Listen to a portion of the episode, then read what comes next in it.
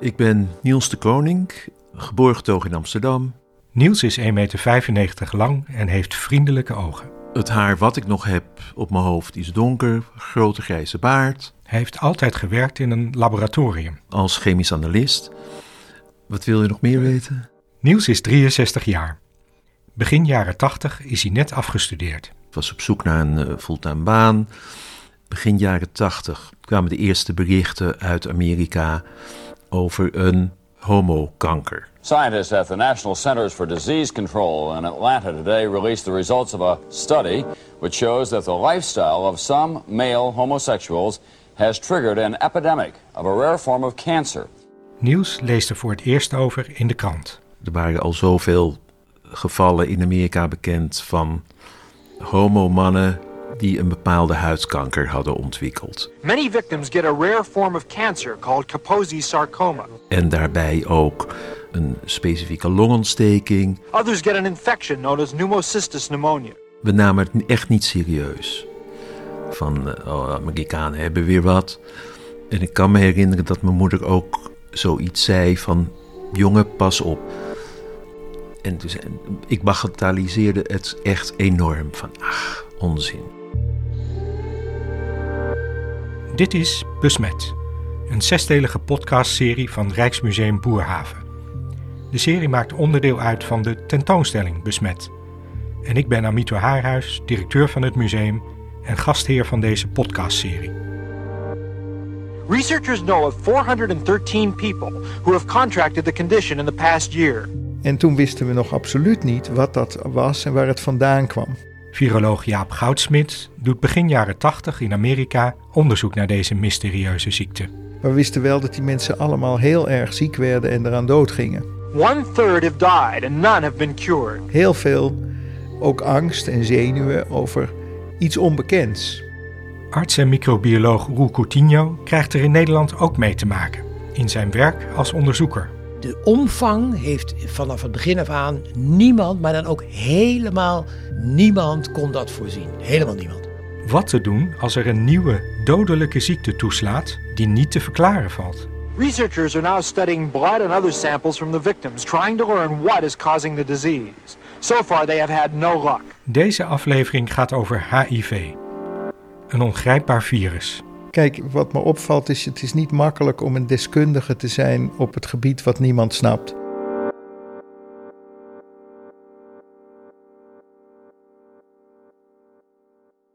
Niels de Koning ontdekt halverwege de jaren 70 het uitgaansleven in Amsterdam. Ik ben uit de kast gekomen in 76, geloof ik. In 77 het COC ontdekt, een heleboel vrienden ontmoet, uitgaan naar kroegen, naar bars. Er was ook op verschillende avonden was er naaktzwemmen. Nou, er kwam ook de hele vriendenkring, gingen we met z'n allen op dinsdagavond in het Marnixbad zwemmen. Ging een wereld voor me open, ik vond het allemaal geweldig. Er waren grote discofeesten in de Brakke van Eddie de Klerk. waren echt fenomenaal, echt geweldig. Dan begon het om tien uur en om half elf stond die dansvloer vol. Echt vol. Merendeel van mijn, mijn vrienden en ik op een cola of een spa. En dat was het. Ja, drank deden we niet zoveel aan. En drugs was helemaal, tenminste in mijn kring, werd dat helemaal niet gebruikt. Ja, misschien op de dansvloer een beetje poppers, maar dat was het. en dat was altijd op een maandagavond. Dus ja, ik moet er niet meer aan denken. Maar die sfeer kan ik me nog zo goed herinneren. Dat was zo leuk. In die tijd was het lang leven de lol. Niks was een probleem. Het ergste waar je je zorgen over maakt was een tentamen wat je misschien uh, niet zou halen. Een hooguit af en toe eens een keer een geslachtsziekte. Maar ja, daar deden we ook wat lacherig over. En ja, als je zo rond de twintig bent, ja, dan komt het sperma uit je oren, bij wijze van spreken. Je, je, je moet dan dat weekend seks hebben. Dat, ja, dus je doet ook heel veel domme dingen. De 31-jarige Roel Coutinho werkte in de jaren 70 anderhalf jaar als arts in Senegal. En toen ben ik teruggekomen, ben, heb me gespecialiseerd als uh, microbioloog, als viroloog. En ben toen uh, hoofd van de afdeling volksgezondheid geworden van de GGD Amsterdam. Een baan die niemand wilde hebben. Ik weet nog, ik volgde uh, iemand op. Die had daar volgens mij wel 35 jaar gezeten of zo. En die was het helemaal niet eens met het feit dat ik hem opvolgde. Want hij zei, ja, maar je hebt er helemaal geen verstand van. En eerlijk gezegd had hij gewoon gelijk. Hij vindt zichzelf te jong en onervaren voor deze baan. Hij besluit om eerst training te volgen in Amerika. Maar als hij uiteindelijk bij de GGD aan de slag gaat, wordt hij voor gek verklaard. Je bent echt niet goed snik, want infectieziekte is gewoon van de verleden tijd. Het is gewoon iets wat is voorbij. En ja, bij een GGD, nou ja, weet je, dat is zo suf. Dat, daar ga je toch niet werken? Dat is gewoon een afgang. Ik bedoel, uh, ga iets serieus doen. Kijk, die had al die, die antibiotica, die waren heel erg effectief. Vaccins. Ik had zelf in de pokkenbestrijding gezeten. Mensen waren optimistisch, pokken uitgeroeid. Er komt straks ook uitroeiing van mazelen, tuberculose. Allemaal dingen die helemaal niet gelukt zijn, behalve die pokken. Maar uh, men was heel optimistisch. Het ging heel goed.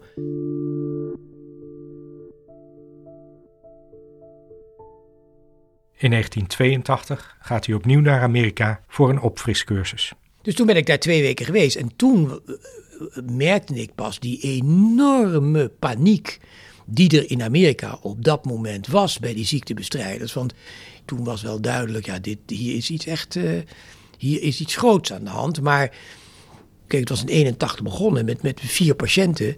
Maar uh, het aantal patiënten nam continu alleen maar toe. En weliswaar ging dat langzaam. Het ging niet met tienduizenden tegelijk. Maar het nam alleen maar toe. En men wist niet wat de oorzaak was. Today, researchers here at the National Centers for Disease Control said they had found several cases where people who had been sex partners both had the condition. The scientists say this probably means they are dealing with some new deadly sexually transmitted disease. Naast homoseksuele mannen worden ook drugsverslaafden ziek. Ja, dat kon alleen maar verklaard worden door gemeenschappelijk gebruik van naalden en spuiten. Dus dat, dat moest dan wel een virus zijn. En toen kwamen de hemofiliepatiënten. En, en, en toen was de paniek heel groot. Want toen zeiden we, ja, dan komt het in de bloedvoorraad. Op dat moment dachten de meeste mensen van seksueel overdraagbaar via bloed of via spuiten. Maar men had nog niet het idee, het kan heteroseksueel overdraagbaar worden. Men dacht van dat, dat, dat, dat, dat lijkt onwaarschijnlijk, want die waren er ook bijna niet. Maar dan ontdekken wetenschappers dat er in Belgische ziekenhuizen wel een aantal heteroseksuele aidspatiënten liggen. Uit Afrika. Ze besluiten te gaan kijken in ziekenhuizen in Zaire. Kwamen ze dus in dat ziekenhuis in Kinshasa en toen bleek dus dat daar tientallen mensen lagen in die ziekenhuizen met aids. En die mensen hadden helemaal geen homoseksuele contacten. Dat waren allemaal heteroseksuelen. Kort daarna brengen de wetenschappers verslag uit op een aidscongres. Dat herinner ik nog heel goed. Want dat maakte enorme indruk. Want iedereen zei: ja, dit is geen ziekte van homoseksuele mannen. Dit is een ziekte die ook bij heteroseksuelen voorkwam. Ja, en, en hoe zit dat precies? En wat gebeurt daar? Most medical researchers believe that the fear of AIDS has gotten out of hand. Scientists do not know what causes the disease, but they strongly suspect it is a virus. All the evidence indicates it can be transmitted only by sexual contact or mixing of blood. Viroloog Jaap Goudsmit is nu verbonden aan Harvard University.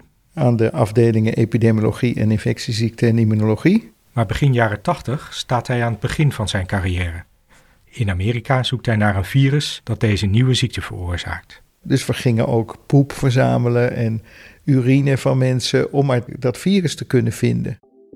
In laboratoria in de Verenigde Staten wordt gewerkt aan een onderzoek naar het verloop van de ziekte. Er is wat vordering, maar het gaat stapvoets. Toen in 83 werd voor het eerst gemeld door een Franse groep dat er een, een virus was gevonden bij iemand met een voorstadium van AIDS. Een enorme lymfklierenstijging en een, een lymfkliervergroting. Ze zeiden toen van ja, we hebben iets gevonden. Dat lijkt er verband mee te houden, maar ze durfden nog niet te zeggen dat dat de oorzaak was. Dat hebben ze wel gesuggereerd natuurlijk, maar dat moest nog bewezen worden. Dus Ik dacht met vele anderen van, nou ja, uh, Pasteur Instituut sceptisch. Uh, kunnen ze dat wel? Klopt dit allemaal wel? Ja, zo gaat dat gewoon. En toen langzaam maar zeker, ik zat in Amerika, toen, toen zagen we ook hoeveel AIDS-patiënten dat virus bij zich droegen, bijna allemaal. Dat betekende dat de manier om dat virus te vinden nog niet optimaal was. Die Fransen hadden dus uit die klieren hadden ze dat gehaald, maar dat is natuurlijk niet, kan je niet mee. En je moet een bloedtest hebben. In Amerika wordt in het lab een methode ontwikkeld om HIV op te sporen in het bloed. En toen geloofden we het. Dus je kan zeggen dat in eind 83, in ieder geval ik geloofde dat dat HIV de oorzaak van AIDS was. Niels de Koning werkt in 84 een paar maanden in Zweden. Met Pasen gaat hij een weekend naar Kopenhagen. Ik weet niet meer hoeveel dagen of weken daarna kreeg ik echt nogal stevige griepverschijnselen, opgezette lymfklieren. Ik ging daar naar de bedrijfsarts in die fabriek waar ik werkte. En die zei: Ja, opgezette lymfklieren, ehm, dat is een virusinfectie. Op dat moment begon er wel even van: Oh jee, wat is dit? Nou, dat ging eigenlijk gewoon vanzelf over. Ja, de, de gesprekken gingen wel over aids, maar je kende nog helemaal niemand die er iets van had. Dus het was ook een beetje ver van mijn bedshow. Ja, dat speelde in Amerika, dat was hier nog niet. Maar als hij terug in Nederland is, hoort hij dat een vriend van hem in het ziekenhuis ligt. Nou, dat was een vreselijk gezicht in coma gehouden, uh, enorm opgeblazen aan vocht in zijn lijf en heftige longontsteking had. En toen dachten we, oh jee, wat is dit? En dat was in het AMC, dus we gingen regelmatig naar het AMC. Er was dan ook een soort familiekamer op die IC. En lag inderdaad ook aan de beademing. Uh, ja, je kon erbij, maar er was geen enkele interactie. Hij was echt in coma. Maar doordat die vriendengroep daar in die kamer zat, hadden we steun aan elkaar. En toen begon het echt door te dringen van jongens, dit is echt heel serieus. Op een gegeven moment krijgt Nieuws een telefoontje van een vriend. Hij heeft slecht nieuws. Oké, okay, Cees is overleden. Oké, nou, tranen. Uh, ben eerder naar huis gegaan. Um, voor mij was dat de, ja, de eerste persoon die overleed in mijn vrienden-familiekring. Dus uh, ik, had, ik had het nog nooit een begrafenis of crematie meegemaakt. Het kwam zo ontzettend heftig binnen. Dus ja, ik had daar echt wel een stevige klap van gekregen. Goudsmit komt in 1984 terug naar Nederland om hier verder onderzoek te doen naar HIV-AIDS. Op dat moment is er enorme behoefte om mensen te testen. De testindustrie kon dat nog niet leveren, want die werd ook overvallen. Dus moesten we alles zelf doen. Dus je moest je laboratorium geheel overzetten op maar één ding: testen maken voor het virus. En dat hebben we toen gedaan. Om te testen gebruiken ze de zogenaamde ELISA-techniek op dat moment een nieuwe techniek om antistoffen op te sporen. Antistoffen zijn de reactie van je lichaam op een virus. Die antistoffen kan je met die techniek opsporen, maar dan heb je één ding nodig. Dat is namelijk een stukje van dat virus, eiwit, of het virus zelf. En dat kan je dan op een plastic plaatje doen en die antistoffen kunnen daaraan plakken en dat, daar kan je naar kijken of, of zichtbaar maken. Dat was ook een moeilijke techniek, maar we hadden geen virus. En de Amerikanen was dat wel gelukt om heel veel virus te produceren. Dus ik heb gewoon een, een cellijn, heet dat, die het virus produceert. En die niet doodgaat, heb ik gewoon meegenomen in het vliegtuig. En uh, ben met dat virus aan de slag gegaan. Niels ontmoette op Oudejaarsavond 83 Paul uit Engeland. Hij zat op zee, hij was uh, elektricien op grote schepen, hij ging de hele wereld over. Het klikt en ze schrijven elkaar regelmatig. Hello Paul, I don't think this is in stereo, but I think it doesn't matter. Niels spreekt ook een cassettebandje in voor Paul. Bye bye, Paul. I love you, I love you, I love you. Dit zijn alle brieven van, uh, van en kaarten van Paul hier uit Rio de Janeiro. Maar sommige uit Dubai, hier Kuwait. Als je brief helemaal naar Japan moet en dan weer teruggeschreven wordt, kan je elkaar wel stevig ophitsen. Van door te schrijven gewoon. Until then, bye gorgeous man, save one of your five mattresses for me. Love Paul. Geen idee wat hij daarmee bedoelde. Save one of your five mattresses for me. Paul gaat in 1985 met verlof en wil graag in Amsterdam wonen. En toen zei hij eerst zo van, ja, ja, ja, misschien kan ik in Amsterdam wel een flatje huren en dan hier zijn.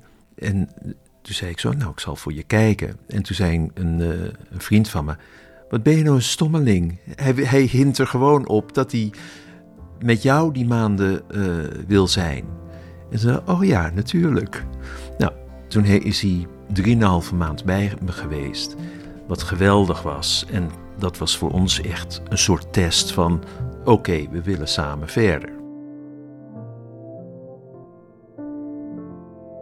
Inmiddels liep ik bij de GGD bij een cohortstudie naar aanleiding van de hele AIDS-epidemie van homomannen in Amsterdam die eventueel ja, uh, met wisselende contacten, laat ik het zo zeggen. Waarbij je dus mensen die HIV niet onder de leden hadden ging volgen, maar wel seksueel verkeer hadden met regelmaat. En later ook drugverslaafden die uh, drugs inspuiten. Toen kwam Jaap dus al heel snel met die, ja, hij had dus die beschikking over die testen. De bloedbanken hadden ze nog niet, maar wij hadden ze wel. En dat was, uh, ja, dat was een enorm voordeel. Ze willen van alle deelnemers weten of ze besmet zijn. Als je dat niet wilde weten, dan moest je uit dat onderzoek. Nou ja, goed, dat is natuurlijk enorm ingrijpend, want hè, dan, dan krijg je dat te horen en je kunt niks. En toen dacht ik van, ja, als ik uit dat onderzoek ga, dan kan ik niks doen. Nu kan ik een heel klein steentje bijdragen aan dat onderzoek. Dus ik wil het wel weten. Bij de homoseksuele organisatie zeiden ze: Ah, Nederland valt heus wel mee. En we hebben nog geen aidsgevallen. Waar hebben we het over en zo. En toen de eerste 750 mannen waren geïncludeerd. Het waren dus allemaal mannen, homoseksuele mannen, zonder klachten. En toen bleek dus dat, uh, op basis van die studie, dat een derde van die homoseksuele mannen wel degelijk geïnfecteerd was met het virus. Dus dat was een enorme schok. Dat betekende dus dat het virus al heel ver doorgedrongen was in de groep van de homoseksuele mannen in Amsterdam. Bij een groep onderzochte homo's in Amsterdam had maar twee op de drie het virus niet. Nou, toen bleek ik dus positief te zijn. De eerste reactie van mij was wel zo van: shit, ik ben uh, besmet, dus ik moet voorzichtig zijn om het niet door te geven. Maar in die tijd waren al door artikelen in de krant dat ja, van alle mensen die positief zijn, gaat maar een klein percentage wordt ziek. En van die mensen die ziek worden, gaat maar een heel klein percentage dood. Het is simpel vast te stellen of iemand besmet is. Maar daarna is het gewoon afwachten of men de ziekte ook inderdaad krijgt. En in het begin, ja, ik dacht, nou, bij mij zal het wel meevallen. Ik fiets er wel doorheen. Ik zag mezelf nog helemaal niet doodgaan. In 1985 telden we 83 AIDS-patiënten, van wie de meeste al zijn gestorven. Er was toen een enorme discussie over de vraag: moet je de mensen die informatie geven? Want ja, ze kunnen daar niks mee. Hè? Want, want in feite zijn ze gezond. En als je dan vertelt dat ze dat virus bij zich hebben, dan is dat in feite een doodvonnis. Want dat wisten we natuurlijk wel, dat het afloop allemaal heel slecht was. Nog niet zeker, maar dat zag er wel naar uit. Dus mensen konden dan kiezen of ze de uitslag wilden hebben, ja of nee. Maar later werd het percentage steeds hoger. Daarna werd gezegd, ja, iedereen wordt ziek en iedereen gaat dood dus je, je, hebt mensen die na een half jaar al ziek worden. Maar je hebt ook mensen nou, die na 16, 17 jaar nog niet ziek zijn geworden. Die komen voor. De gemiddelde incubatietijd is zo'n beetje een jaar of acht. Maar dat is natuurlijk heel lang voor een aandoening. De Nederlandse aidsonderzoekers doen eind jaren 80 een belangrijke ontdekking. Als een besmet persoon weinig virus in het bloed heeft, duurt het langer voordat ze ziek worden. Terwijl iemand met veel virus in zijn bloed, die werd binnen soms zes maanden ziek. Dus toen wisten we, die moeten het eerst behandeld. Maar dat betekent dat je ook weet dat de behandeling moet bestaan uit het naar beneden brengen van de hoeveelheid virus. Toen wisten we dat als je de virushoeveelheid weet te onderdrukken met welk middel dan ook, dan kreeg hij later aids of misschien wel helemaal niet. Dat is zo'n belangrijk, heel simpel principe. Regelmatig komt er nieuws naar buiten over een HIV-vaccin. Kijk, in het begin was iedereen ervan overtuigd, er komt een vaccin.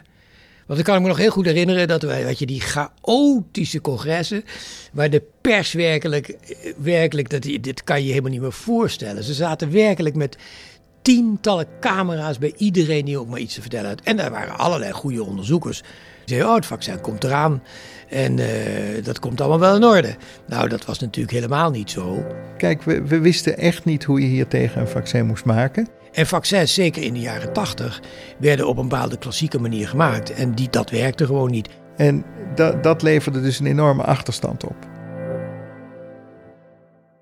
In 1986 gaat Paul bij Niels wonen in zijn mini-flatje in Amsterdam.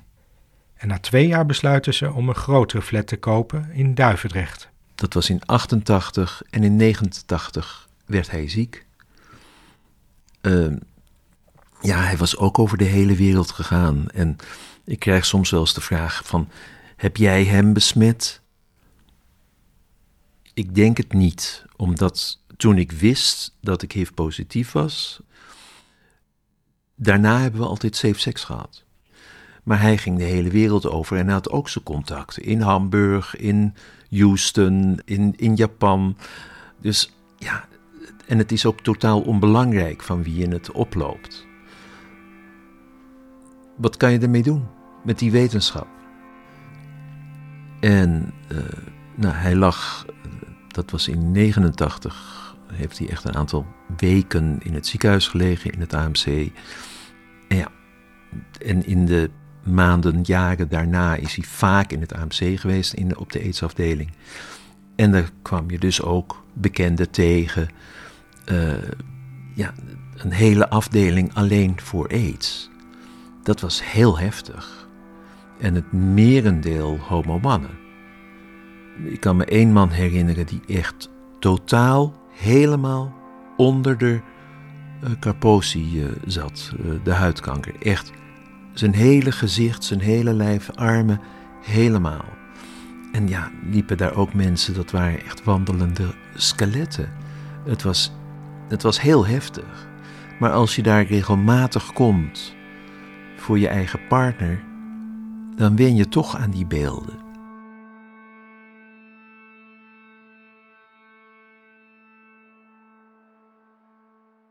In de laatste twee, drie weken van zijn leven zijn zijn ouders uit Engeland nog overgekomen. Nou, aan die mensen moest hij dus vertellen dat hij homo was, want hij was nooit uit de kast gekomen naar zijn ouders toe. Hij moest vertellen dat hij ziek was en hij moest vertellen dat hij doodging. Dus dat was, voor die mensen was dat verschrikkelijk. Ik kan me heel goed voorstellen. Het is augustus 1991. Paul ligt thuis in een ziekenhuisbed. En zijn zus, ik en de huisarts waren bij hem. Kreeg hij eerst een injectie tegen misselijkheid. En toen een speciaal drankje van de apotheek wat hij moest opdrinken en zakte toen langzaam weg in slaap. En het werd steeds dieper. En op een gegeven moment zag je echt dat leven uit hem trok. Ja, uh, wat er overbleef was, was eigenlijk een wassen beeld. Was het over. Er was geen andere uitweg. Dus um, het, het was oké. En ja, op dat moment dacht ik ook van ja, ik ben de volgende die in die kist ligt. Ik, ik had erg veel moeite om over zijn dood heen te komen, want we waren echt van plan om samen oud te worden. Ik ben drie weken na zijn dood ben ik motorrijles gaan nemen, want ik kon me niet meer concentreren ook. Ik kon geen boek lezen, ik kon geen krant lezen, ik kon geen, nauwelijks een gesprek voeren. Ik kon me nergens op concentreren. En als je motor moet leren rijden, dan ben je verplicht om je te concentreren. En dat heeft me erg geholpen. Het gevoel van dat de wind door je hersens gaat, dat het even schoongeblazen wordt.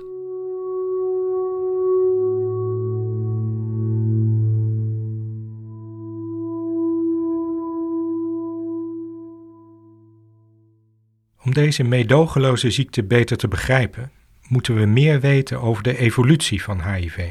En door nieuwe technologie, zegt Goudsmit, kunnen wetenschappers opeens veel meer doen wij missen dat punt vaak. Hè?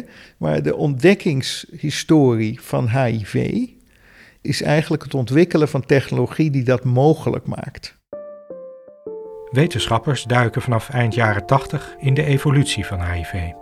Want wij wouden natuurlijk eerst weten, worden er bijvoorbeeld geneesmiddelenresistente stammen overgedragen? Dat gebeurt ook genetisch, verandert het virus in een resistente stam. Van daaruit kon je ook gaan kijken van nou, kan het een vaccin ontsnappen? Werd het virus agressiever, eh, op welke manier dan ook, daar gingen we natuurlijk steeds naar kijken. En toen we dat eenmaal begonnen te ontrafelen, toen raakte ik ook heel erg geïnteresseerd in waar komt dat virus nou vandaan? En wanneer is het nou eigenlijk begonnen? Er bestaan veel verschillende soorten HIV-virussen. Maar als je dat dan terugtraceert naar één bron, dat kan je doen door, door als het ware terug te tellen. Je kan, dat heet een moleculaire klok. Dus die klok die tikt en de evolutie vindt in de tijd plaats. Wetenschappers analyseren veranderingen van verschillende HIV-virussen door de jaren heen. En dan kun je zoeken naar een gemeenschappelijke voorouder. Zegt ook Roel Coutinho. En omdat je weet hoe snel die mutaties optreden, kun je een schatting gaan maken van wanneer nou die, dat eerste virus, wanneer was dat nou? Hè? Hoe is dat ontstaan?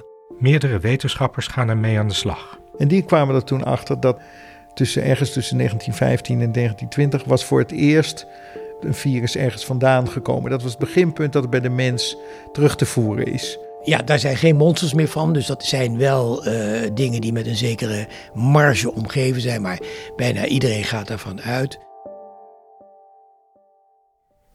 De Belgische onderzoeker Martine Peters doet ook een belangrijke ontdekking. Ze vindt in een Afrikaanse chimpansee een virus dat op HIV lijkt. Een apenvirus bij een chimpansee uit Gabon, dat wat er sprekend op leek.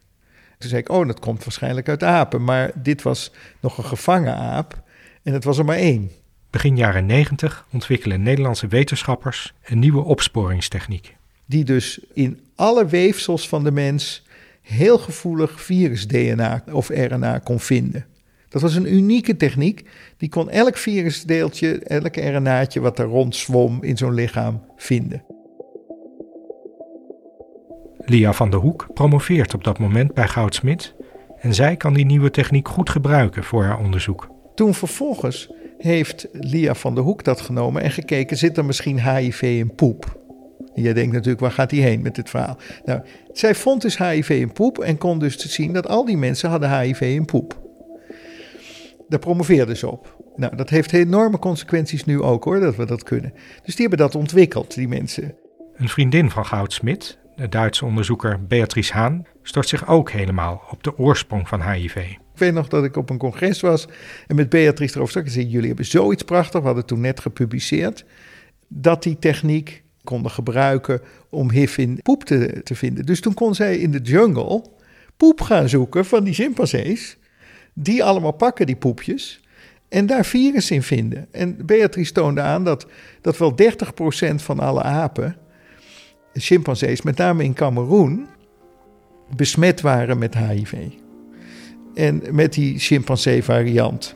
Toen wist je zeker dat dat de oorsprong van het virus was, dat het uit Zuid-Cameroen, Gabon en Congo kwam.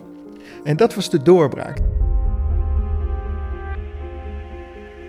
De meeste chimpansees worden er niet of nauwelijks ziek van. Overigens zit het virus niet alleen in chimpansees. Die chimpansee is ook weer door, door een aap besmet. En dan denken ze dat dat weer een kleinere aap is. En de chimpansees aten die, zoals wij waarschijnlijk die infectie hebben gekregen door apenvlees te eten, wat gewoon op de markt verkocht werd in Afrika. Waren, waren die apen natuurlijk weer andere apen aan het eten. Wetenschappers denken dat de eerste verspreiding onder mensen plaatsvindt in Kinshasa, destijds onderdeel van Belgisch Congo. Een stad die in 1920 enorm groeit, zegt Coutinho, en waar voornamelijk mannen wonen, omdat er heel veel werk is. En er was een enorme prostitutie, want het waren de enige vrouwen die er zaten. En de veronderstelling is dat vanuit die prostitutie dat verspreid is naar die mannen, dat daar dus ook de eerste gevallen zijn geweest. En dat dat in het begin werd dat gewoon helemaal niet opgemerkt en ging het ook waarschijnlijk niet zo snel. En is het vrij beperkt gebleven. De, mensen reizen nog niet zo verschrikkelijk veel. En is het langzaam natuurlijk het virus in Afrika wel verspreid. In eerste instantie in Kinshasa zelf, langzaam, langzamerhand in de omgeving. En toen is het van daaruit, is het veronderstelling dat het naar Haiti is gegaan. In Haiti is iets opmerkelijks aan de hand. Daar was wel enorm veel seksueel verkeer. En in de zin van vliegen. En vervolgens uh, was dat wel een, uh, een seksoord. Met name voor homoseksuele mannen. En wij zijn er zelf geweest op Haiti. En we hebben het gewoon gezien hoe actief die relatie tussen de lokale bevolking was op seksueel gebied en Amerikaanse homoseksuele mannen. Dus je had wel de indruk, het is via Haiti naar Amerika gekomen en van Amerika naar Nederland en Europa en andere steden. Er zijn geen harde bewijzen voor, maar het is aannemelijk dat HIV in de jaren 50, 60 naar meer landen is verspreid, maar nooit met hele grote gevolgen. Kijk, als er natuurlijk sporadisch iemand was die naar Afrika ging en die nam het mee terug en die ging dood, dan gebeurde er verder niks. Want de kans op verspreiding is helemaal niet zo groot. Dit opduiken van HIV-AIDS wordt vaak gezegd dat het een biologische gebeurtenis is. Dat is het helemaal niet. Het is een, natuurlijk is het biologie, want het is een virus wat overspringt. Maar het zijn juist die gedrags- en die maatschappelijke gebeurtenissen, maatschappelijke veranderingen, die bepalen of het een pandemie wordt. de, de, de, het feit dat het een pandemie is geworden onder de homoseksuele mannen had te maken met die veranderde seksuele gedrag. Kijk, het drama daarvan is eigenlijk dat het virus zich verspreid heeft gedurende tientallen jaren waar niemand dat gemerkt heeft. In die tijd, als je in Afrika doodging, ja, dat werd gewoon, er werden geen diagnoses gesteld, er was geen laboratorium. Dus toen het in Amerika kwam en die jonge mannen, die gezonde jonge mannen, een ziekte kregen waar ze doodgingen, toen zei iedereen: wat gebeurt hier? Maar zolang dat in Afrika was, had niemand dat in de gaten en heeft daar, is er geen aandacht aan besteed. Dus de les is dat als je vroeg ziekten op het spoor wil komen, dat je dat soort dingen heel vroeg moet zien en te weten komen, ook in gebieden die heel afgelegen zijn. Dan hebben we dus een enorm misser meegemaakt. Veel vaccins en medicijnen helpen niet of nauwelijks tegen aids. Maar in 1996 is er dan eindelijk een doorbraak de eerste HIV-remmers zijn ontwikkeld, de zogenaamde combinatietherapie. Ja, nee, er waren allerlei problemen. moesten eerst allemaal getest worden, enzovoort, enzovoort. Toen die eerste gegevens binnenkwamen, dacht je eerst, nou ja, zal altijd zal het wel waar zijn, maar het was gewoon, het klopte wel degelijk. Maar er vielen mensen dood neer. Dus hup, gooi het erin. Dus het was een, een, een, een echt een, een gigantische om, om, ommekeer. Gigantisch. De eerste HIV-remmers zorgen alleen voor vervelende bijwerkingen. Ik kan me herinneren dat ik op een gegeven moment met de internist toen bij de GGD aan de telefoon zat. Ik zeg ja, ik voel me zo beroerd. En hij zegt volhouden. Want dat beroerde gevoel gaat over. Je lijf is nu bezig om dat virus aan te pakken. Hou vol, hou vol. Niels krijgt onder meer last van polyneuropathie in zijn voeten, een aandoening van het zenuwstelsel dat ze op mijn werk zeiden van Niels, wat, wat loop je moeilijk? Ik zeg, ja man, ik verga van de pijn. Maar ook echt stekende pijnen. Echt alsof er duizend naalden in je voeten gestoken worden. Ik kreeg echt heel erg uitgemergeld gezicht. Wat ik echt beslist niet wilde. Ik wilde niet en zogenaamd gezond zijn en eruit zien als een, als een aidspatiënt. Het is zo'n balans met uh, zeven armen om alles maar in evenwicht te houden. Maar het virus werd wel heel erg onderdrukt. Ik was ondetecteerbaar. Dus ja, soms moet je medicijnen nemen, ook al word je er beroerd van. Niels noemt de combinatietherapie een pillenregime. Ik had ook een pillendoos met een wekker erin, die dus op verschillende tijden signaal gaf: het is pillentijd. Je had echt een heel erg dagelijks regime van pillen, eten, niet eten, uh, plus alle bijwerkingen. Het was geen lolletje. En het was echt handen vol pillen. En dat is gelukkig heel erg veranderd. Ik ben nu echt op een combinatie waarvan ik denk dat het weinig bijwerkingen geeft. De HIV-medicatie is nog maar één keer per dag. Ik denk ook dat door dat strakke regime, doordat ik me daar stevig uh, streng aan hield, het moest niet vijf over drie zijn dat ik die pillen inneem. Nee, het moest drie uur zijn dat ik die pillen innam.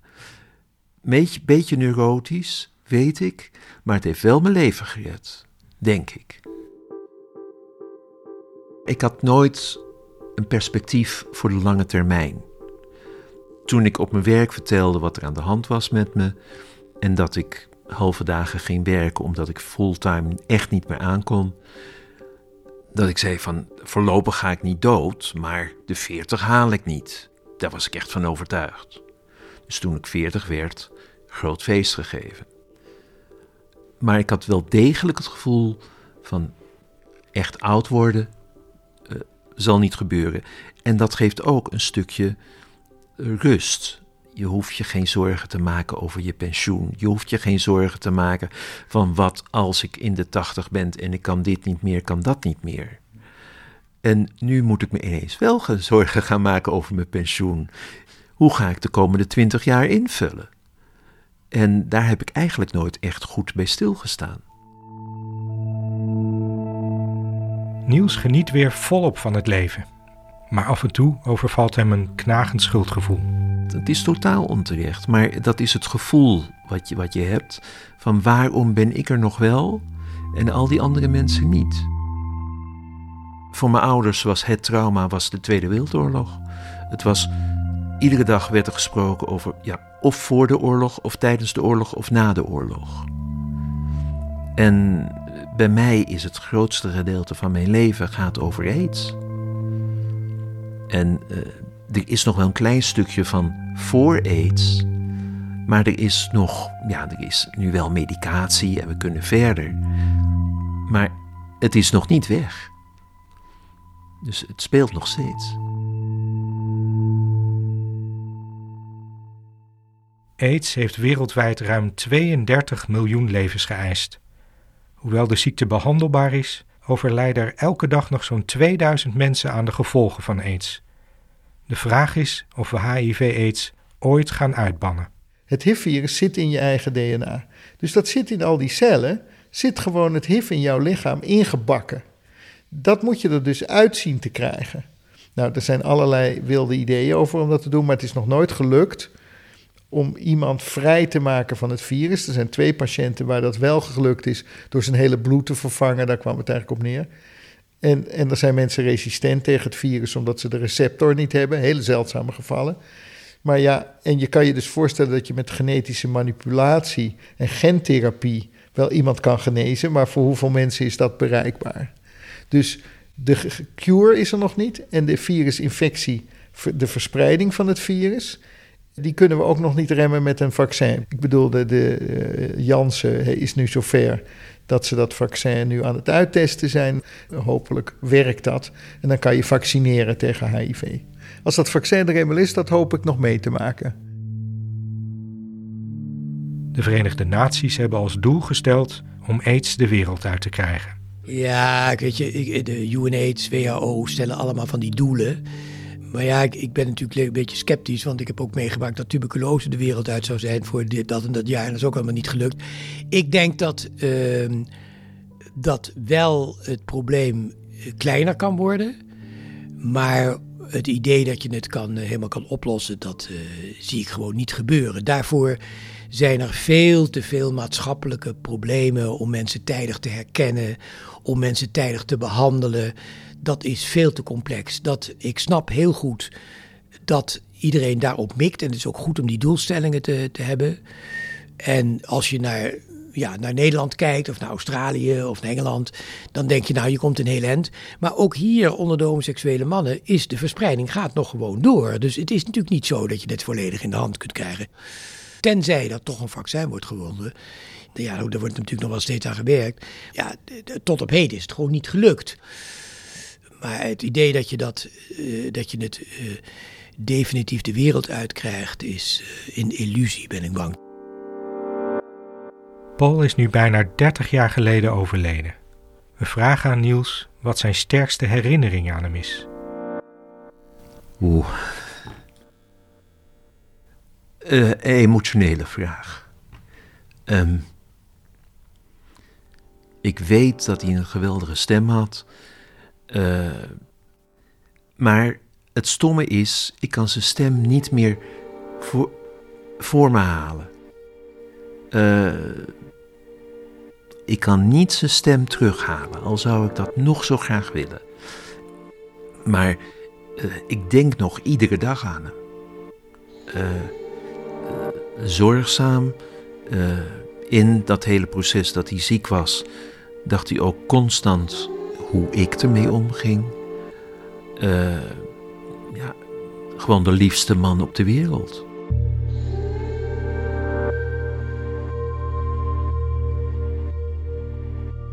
Meer informatie over de tentoonstelling Besmet vind je op onze website rijksmuseumboerhaven.nl.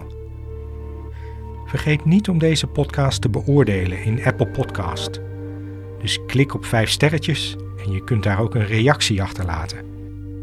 Aflevering 5 gaat over de vraag: hoe schatten wetenschappers het gevaar in van een nieuwe uitbraak? Er was een tijd het idee dat het wel mee zou vallen, maar inmiddels slaat de Wereldgezondheidsorganisatie groot alarm over de terugkeer van ebola. Wat een beetje cru is, dit keer was het voor het eerst dat het landen bereikte ja, waar makkelijk ook mensen konden reizen naar westerse landen. Zomaar op het vliegtuig konden stappen en naar Europa of Amerika konden gaan. Toen was de wereld opeens wakker en toen was het een groot probleem en is het maanden in het nieuws geweest.